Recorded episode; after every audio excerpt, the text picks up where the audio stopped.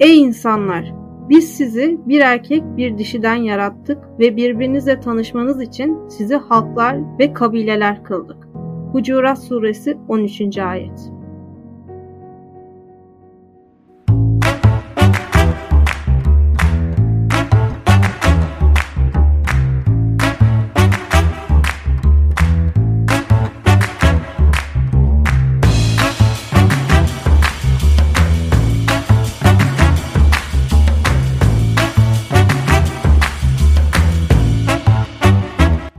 Mutfakta Ne Var Podcast'in yeni bölümünden herkese merhaba. Ben Meltem Suat. Bugün konuğum Berin Sönmez'le birlikte mutfağımızda İslamiyet'te feminizmi pişireceğiz. Berin Hanım hoş geldiniz. Hoş bulduk. Ee, Berin Hanım hemen e, konuya girmek istiyorum ben. Öncelikle size genel çerçevede şunu sormak istiyorum. İslami feminizm ne demek? Bize bunu özetleyebilir misiniz? Evet, şuradan başlayayım ben. E, girişte okuduğun ayet Hucurat 13. ayet benim eşitlik ayeti dediğim ve başlı başına İslamiyet'te feminizme dayanak olarak gördüğüm, yeterli gördüğüm bir ayettir. E, hem ırkçılığın hem cinsiyetçiliğin yersiz olduğunu e, gösteren bir ayet ve e, tearüf kelimesi ta, tanışasınız, ta ki tanışasınız olarak meallerde daha çok geçen tearüf kelimesi de e, aslında bir anlamda da belirlenmiş e, manasına gelir. Belirlenmiş olan e, nedir o belirlenmiş olan? Sizin eşitliğinizdir. Burada benim çıkardığım sonuç budur.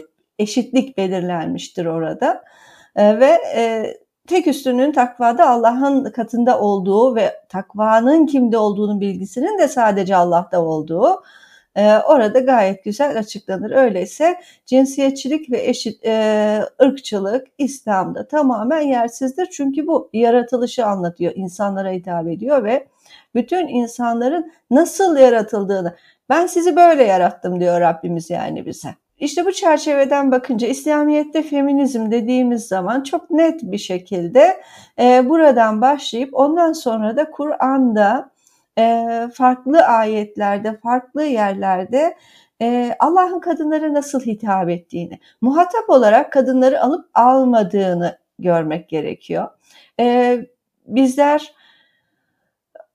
yüzyılların yorumlarına baktığımız zaman, hatta o yorumları bırakalım, halkın genel dini söylemine baktığımız zaman kadınların hep ikincilleştiğini ikincil konumda tutulduğunu görürüz ama bundan rahatsız oluruz her birimiz, bütün kadınlar. Bunu içine e, sindirebilen kadın ben şimdiye kadar görmedim. Feminist olsun olmasın. E, halk arasındaki bu söylemlerin bu denli e, in, kadınları itici, incitici olmasının Kur'an'da dayanağı var mı diye bakmak gerekiyor ve İslami feminizmde e, benim en azından başlayışım bu yönden oldu. Yani Kur'an'da Allah'ın bana nasıl hitap etmiş, Kur'an'da Allah'ın beni nereye konumlandırmış, toplum beni nereye konumlandırmış? Bu ikisinin arasındaki farklar neler şeklinde bakmak gerekiyor.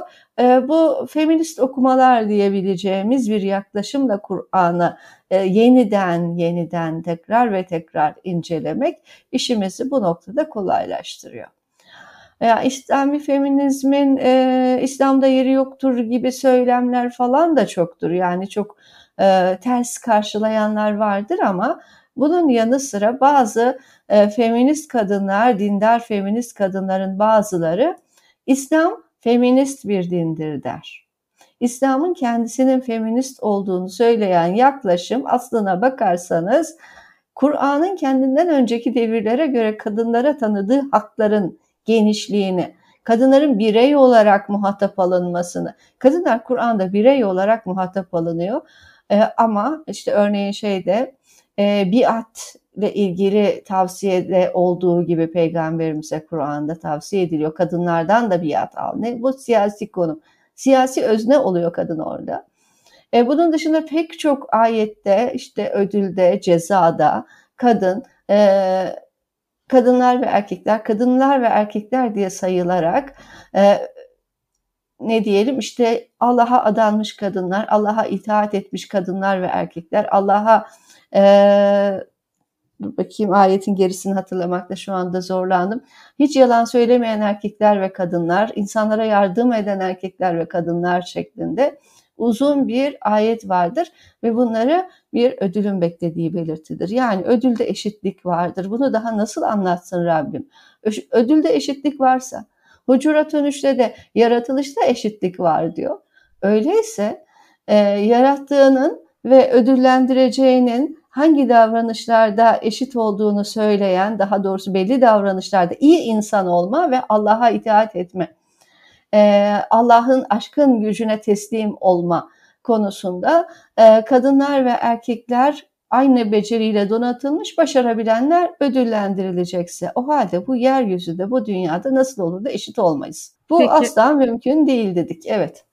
Ee, teşekkür ederim Berin Hocam. E, ben şunu sormak istiyorum size. Ben bu programa hazırlanırken Fatma Gül Berktay'ın e, Hristiyanlıkta Hı. ve e, İslamiyet'te kadın figürü karşılaştırması isimli kitabını okudum. Orada evet. diyor ki Fatma Gül Hoca e, İslamiyet'te diyor aile diyor aslında diyor İslami toplumun küçük diyor bir hani minyatürü gibi diyor. Bu durumda diyor İslamiyet toplumlarında evin diyor babası aynı zamanda diyor Allah otoritesini te, hani şey temsil ediyor ve bu durumda babaya karşı gelmek Allah'a karşı gelmek diyor. Siz bu yoruma katılıyor musunuz? Şimdi Fatma Gülberktay Hoca'nın pek çok yorumuna katılırım. Fatma Fatıma Mernisi gibi. E, o da e, tam olarak Kur'an'ı temel almayıp Müslüman toplumların hayat tarzını, yaklaşımlarını, yaşayışlarını ölçü alarak e, değerlendirmeler yapıyor. Bunlar çok önemli. Yani e, az önce dedim ya Kur'an'da bu var ama hayatta başka bir şey var. Onlar hayatta olan o başka bir şey açısından değerlendiriyorlar. Doğrudur. E, yani tespitleri, yaşanmışlıklar böyle olduğu için doğrudur. Ancak Kur'an'a baktığımızda Kur'an'ın böyle bir model sunmadığını görüyoruz. Yani geleneksel söylemde kadına e, bir hadis uydururlar mesela peygamberimizin ağzına yakıştırdıkları bir hadiste e, tutup e, Allah'tan başkasına secde edilecek olsaydı kadınların kocalarına secde etmesini isterdim gibi bir şey. Bu asla mümkün olamaz çünkü eşit kullarız. Yaratılışta eşitiz, ödülde eşitiz. O zaman dünya yaşayışından, e, dünya yaşayışındaki davranışlarımızdan dolayı ödüllendirileceğimiz bir şeyde eşit olmamız için dünya yaşayışında eşit olmamız gerekir. Ama işte şu var yani e, Hristiyan toplumlardaki farklılıklar veya Müslüman toplumlardaki farklılıklar çok belirgin görünüyor gerçekten. E, bütün dinlere ataerkinin sızdığı, ataerkinin de e, hoş bir şey vardı bir arkadaşın bir yazısında. E, patriarka dinden büyük diyordu. Madem patriarka dinden büyük diyordu ve arkasını getiriyordu kendince. E, hoş bir tabir. E, patriarka bütün dinlerden büyük aslında ama sadece dinlerden değil, bilimden de büyük patriarka. Yani Freud'un kadın hakkındaki yorumlarıyla e, şimdi bugün Müslümanların genel olarak kadınlara bakışı arasında ne kadar fark var sanki? Değil mi? Ee, eksik bulan, kadınlar eksik etek olarak isimlendirilir. Freud da eksik bulur, tamamlanmamış bulur. Ee, yani e, patriarkadan bahsetmemiz gerekiyor burada, dinlerden değil. Dinlerden bahsedeceğimiz zaman da temel kaynaklara inmek ve orayı feminist bakış açısıyla yeniden okuyup yorumlamak gerekiyor. Peki, e, şimdi e, Berin Hocam, Nisa suresi 3. ayette Allah e, erkeklere dört kadınla evlenmeye ve cari edinmelerine izin veriyor. 23. ayette anneleriyle ilişkiye girmediyseniz üvey kızlarınızla evlenmek helaldir diyor. 34. ayette e, size itaat etmeyen kadınlarınızı hafifçe dövebilirsiniz izni veriyor. Aynı zamanda aynı surenin 57. ayetinde e, cennette size tertemiz eşler vaat ediyoruz diyor. Ama bir yandan e, şöyle de bir şey var. Kur'an-ı Kerim'de e, bir kadına ait sure var. Meryem suresi var ve ha, Mer, Hazreti Meryem e, babasız bir şekilde peygamber dünyaya getiren tek kadın. Bugüne kadar hani peygamberler tarihinde bütün peygamberlerin bir babası varken Hazreti İsa'nın bir babası yok. O mucizevi bir şekilde ana erkilden çıkıyor. Sadece annesi kutsal kendi evet. dilinde. Evet. Şimdi İslam bu Kur'an-ı Kerim meallerinde bir çelişki mi var sizce yoksa hani Bu aslında İslami feministlerin dediği gibi en cinsiyetçi ve gerici Kur'an-ı Kerim meallerini tek olası İslam yorumu olarak kabul etmemek mi gerekiyor?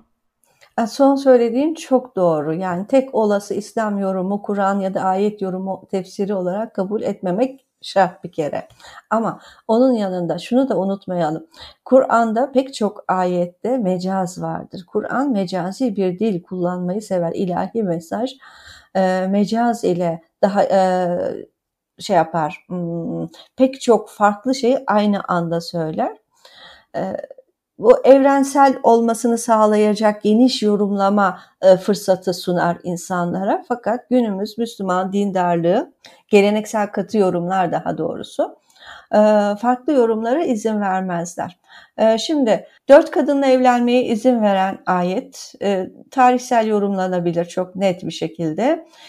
O günün şartlarında kadına nikah dahi yapılmazken çok sayıda hiçbir şekilde herhangi bir hakkı olmadan evlenildiği bir çağda dört kadınla sınırlandırılmış olduğunu söyleyebiliriz. Ve ayetin sonunda da sizin için en hayırlısı e, tek kadındır, tek eşli evliliktir der.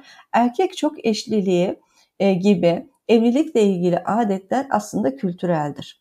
E, yani dini olmaktan daha çok e, toplumların hayat tarzı, yaşayışları, Ortaçağ tarım toplumunun Arap Yarımadası'ndaki kültürden söz ettiğimizi unutmayalım. E, bu çerçevede baktığımızda kadınlara böyle bir sınırlama, nikah mecburiyeti ve nikahlanmanın koşulları üzerine bazı prensiplerin getirilmesi kadınlara tanınan haklardır aslında. Yani bugünden bakarak dört kadın dediğimizde e, bu doğru anlaşılmıyor ama o günden bakarak dört kadınla sınırlandırılmak ve en hayırlısı bir kadındır demek bugün medeni kanunda erkek içinde kadın içinde tek eşlilik mecburiyetinin getirilmesinin dine hiç aykırı olmamasını mümkün kılıyor. E, bunun dışında e, söylediğin bir 34. ayeti hatırlıyorum soruda unuttuğum olursa hatırlatırsın umarım tekrar. 34. ayette e, hafifçe dövebilirsin diye bir şey yok. E, o tamamen erkek yorumu, erkek uydurması. 34. ayette geçen darabe fiilinin e, vurmaktan, darp etmekten daha başka anlamları da var. İlk yüzyıl müfessirlerinden Ata bunu asla vurmak olamaz diye yorumlar. E, ilk yüzyıl müfessirlerinden, İslam tarihinin ilk tefsir, e, ilk alimlerinden vurmak olamaz der. E, bu ayak izi anlamına da gelir darabe fiili, ayrılmak anlamına gelir bu der. Ayrılmak anlamına gelişini düşündüğümüz zaman ayetin başından itibaren ne diyor? Ee, nüşuz kavramı geçer. Nüşüz kavramının üstünde daha derin durmak gerekir ama şu an bu programımız buna yetmez herhalde. E, naşize kadın e, der. Naşize basit geçimsizlik demektir. Basit geçimsizlik yani o evliliği sürdürmek istemiyor. O kocanın huyundan, evin halinden hoşnut değil vesaire. O evliliği sürdürmek istemiyor kadın geçimsiz. Başka ayetlerde erkek geçimsizliğinden de bahsedilir örneğin. E, bu ayette kadının geçimsiz olmasından bahsediyor. E, ve diyor ki önce konuşun. Sonra önce konuştuktan sonra bir yataklarınızı ayırın bir de pardon e, ailelerinizden her ikinizin ailesinden de birer hakem getirin. Onlarla birlikte konuşun. Gene olmadıysa bir süre ayrılın diyor. Geçici ayrılık öneriyor ve ondan sonra da e, da, darabehum diyor. Darabehünne.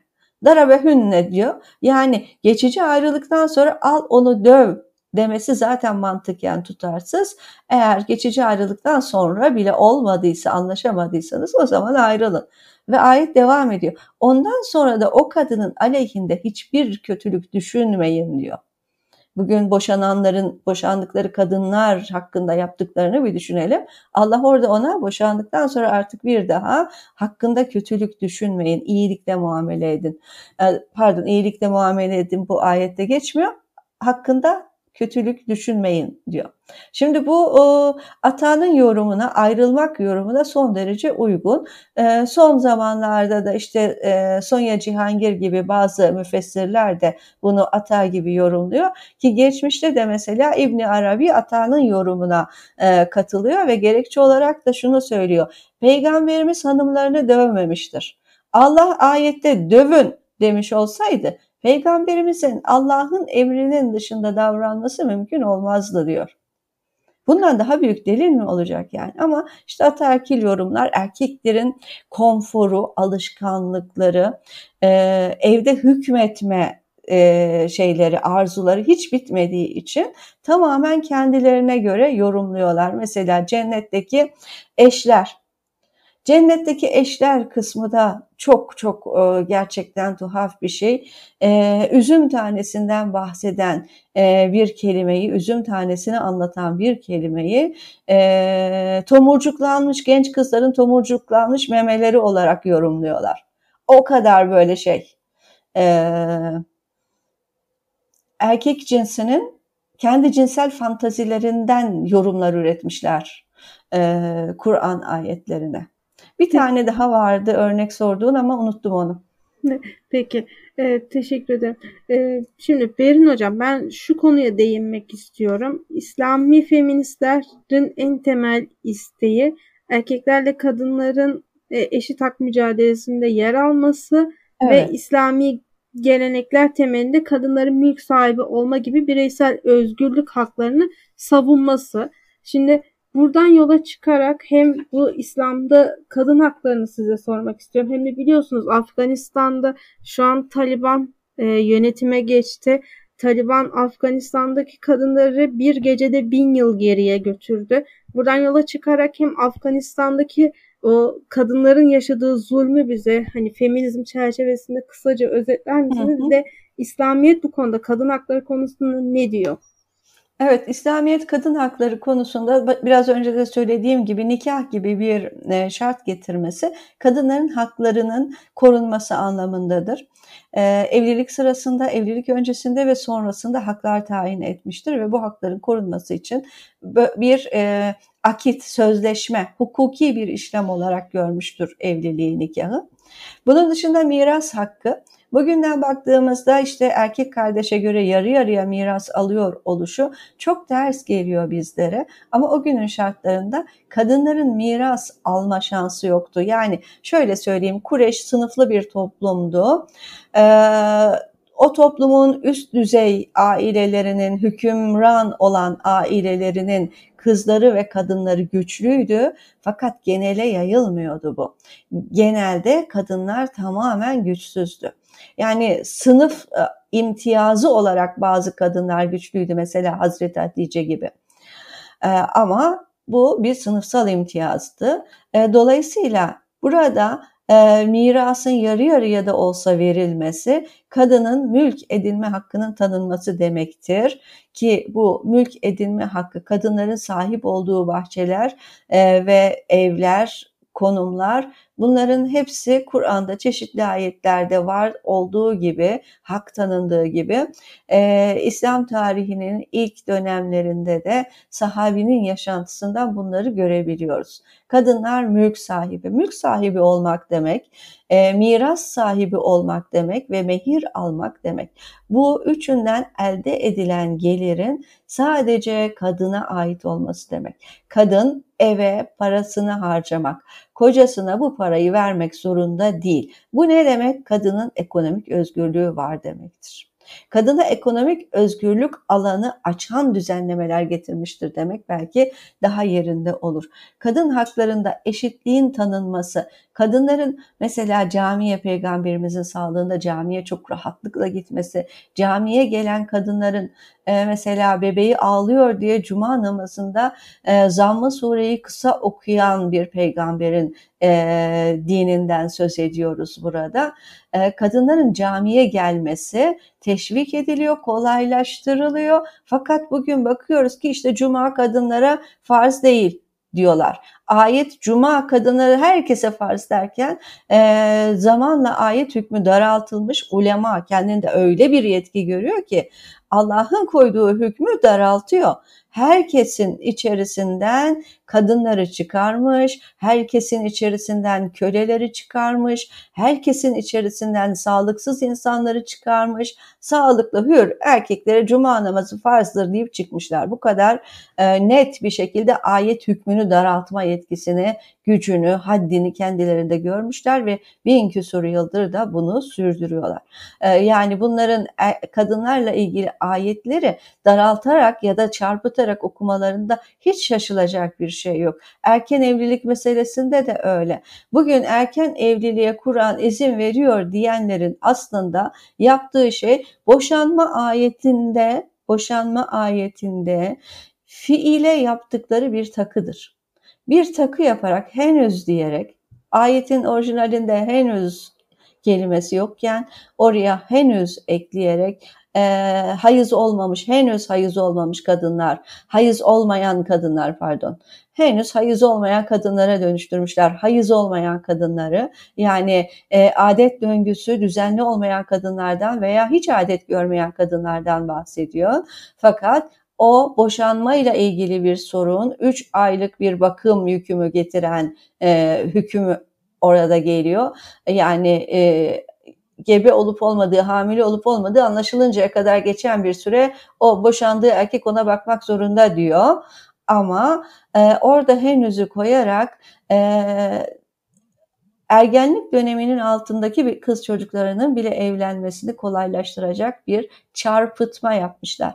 Allah'ın ayetini, ilahi mesajı çarpıtmışlar. Bunu kendilerinde hak ve yetki olarak görmüşler ve bin küsur yıldır da böyle uyguluyorlar. Hala da böyle söylüyorlar.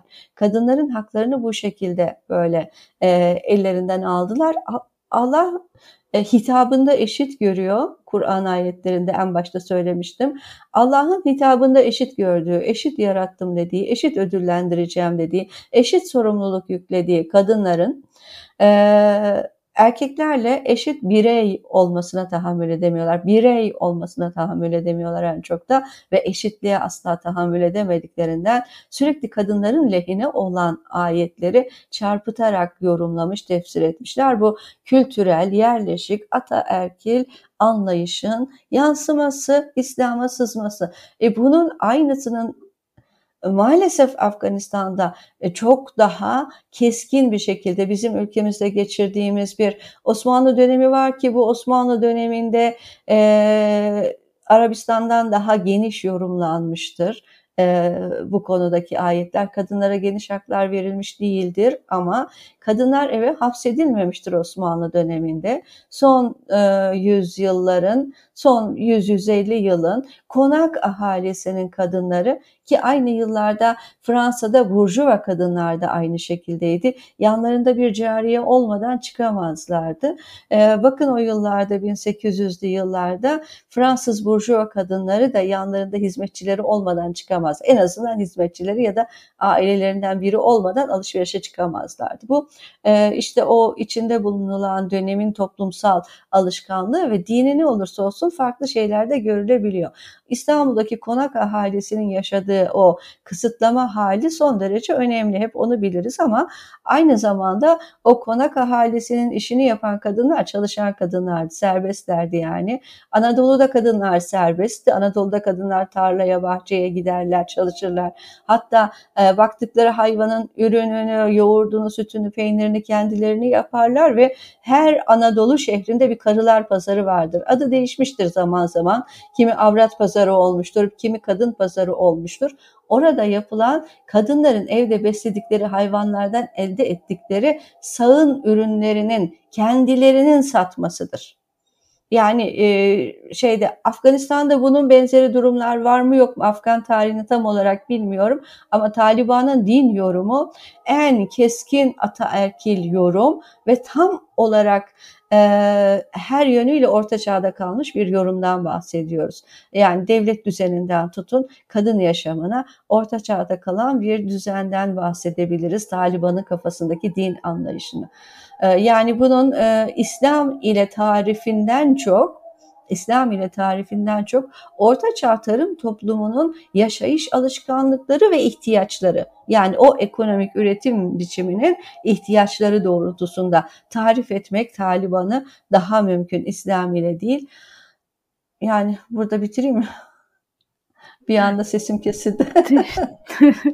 Şimdi ben kendimce şu yorum yapmak istiyorum. Kur'an-ı Kerim gibi bakın siz de çok güzel anlattınız. Kadınların hakkını en üst derecede koruyan dini çağının bir şartları içinde evet, diyelim. Evet. Çağının şartları içinde kadınların hakkını en üst derecede koruyan dini bir metnin Allah'ın hani buyruğunun kendilerine İslami örgüt diyen bir toplulukça çarpıtılması bana o kadar abes ve hani, acıklı geliyor ki hani bu sadece da, Taliban'da değil bu IŞİD'de evet. de öyleydi Boko Haram'da da öyleydi. Bugüne evet, kadar ki bütün şu anda kendi... bizim Adalet Bakanlığı'nda da öyle. Kendilerine İslamcı diyen herkes ilk olarak kadını kısıtlamaya çalışıyor. Kesinlikle. Allah'ın aslında kadını da aynı zamanda kafalarındaki tam olarak o erkek prototipine uymayan herkesi. Tabii ki Allah'ın yarattığını, Allah'ın yarattığını üstün kılmaya çalışıyorlar. Bu sadece bu örgütlere has değil. Bu ülkede biliyorsunuz, siz de çok iyi biliyorsunuz. Şort giydiği için beni günah Tabii. soktu deyip Otobüste Tabii. tekmelenen kadınlar var. Küçücük çocuklara başörtü taktırmaya gelenler var. İşte evet. en son e, voleybolcu Ebrar Karakurt ya. bir fotoğraf yayınladı diye Cübbeli Ahmet Hoca tarafından hedef gösterildi.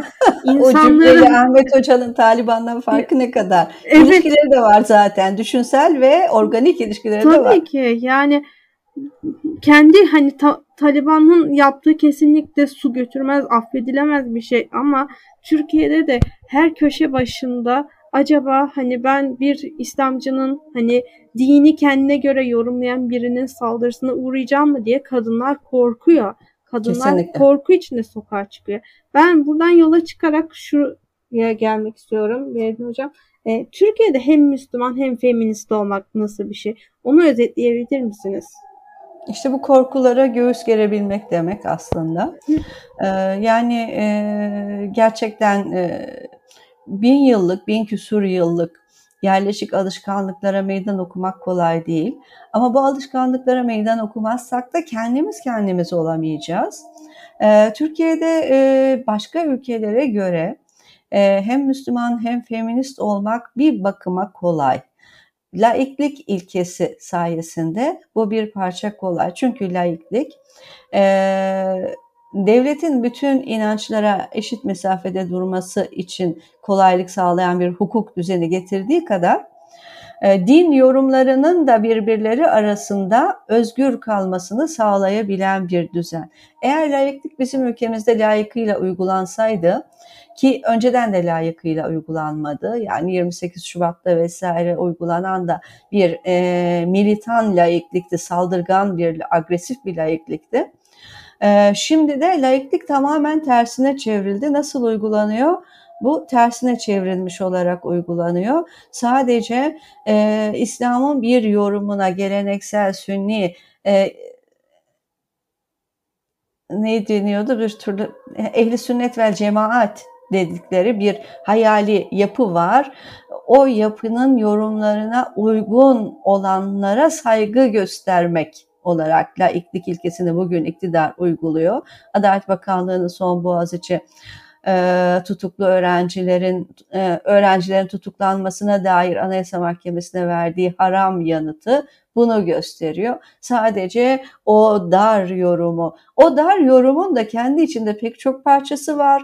O dar yoruma inanan ehli sünnet ve cemaat içindeki o cemaatler de birbirlerine habire tekfir eder dururlar.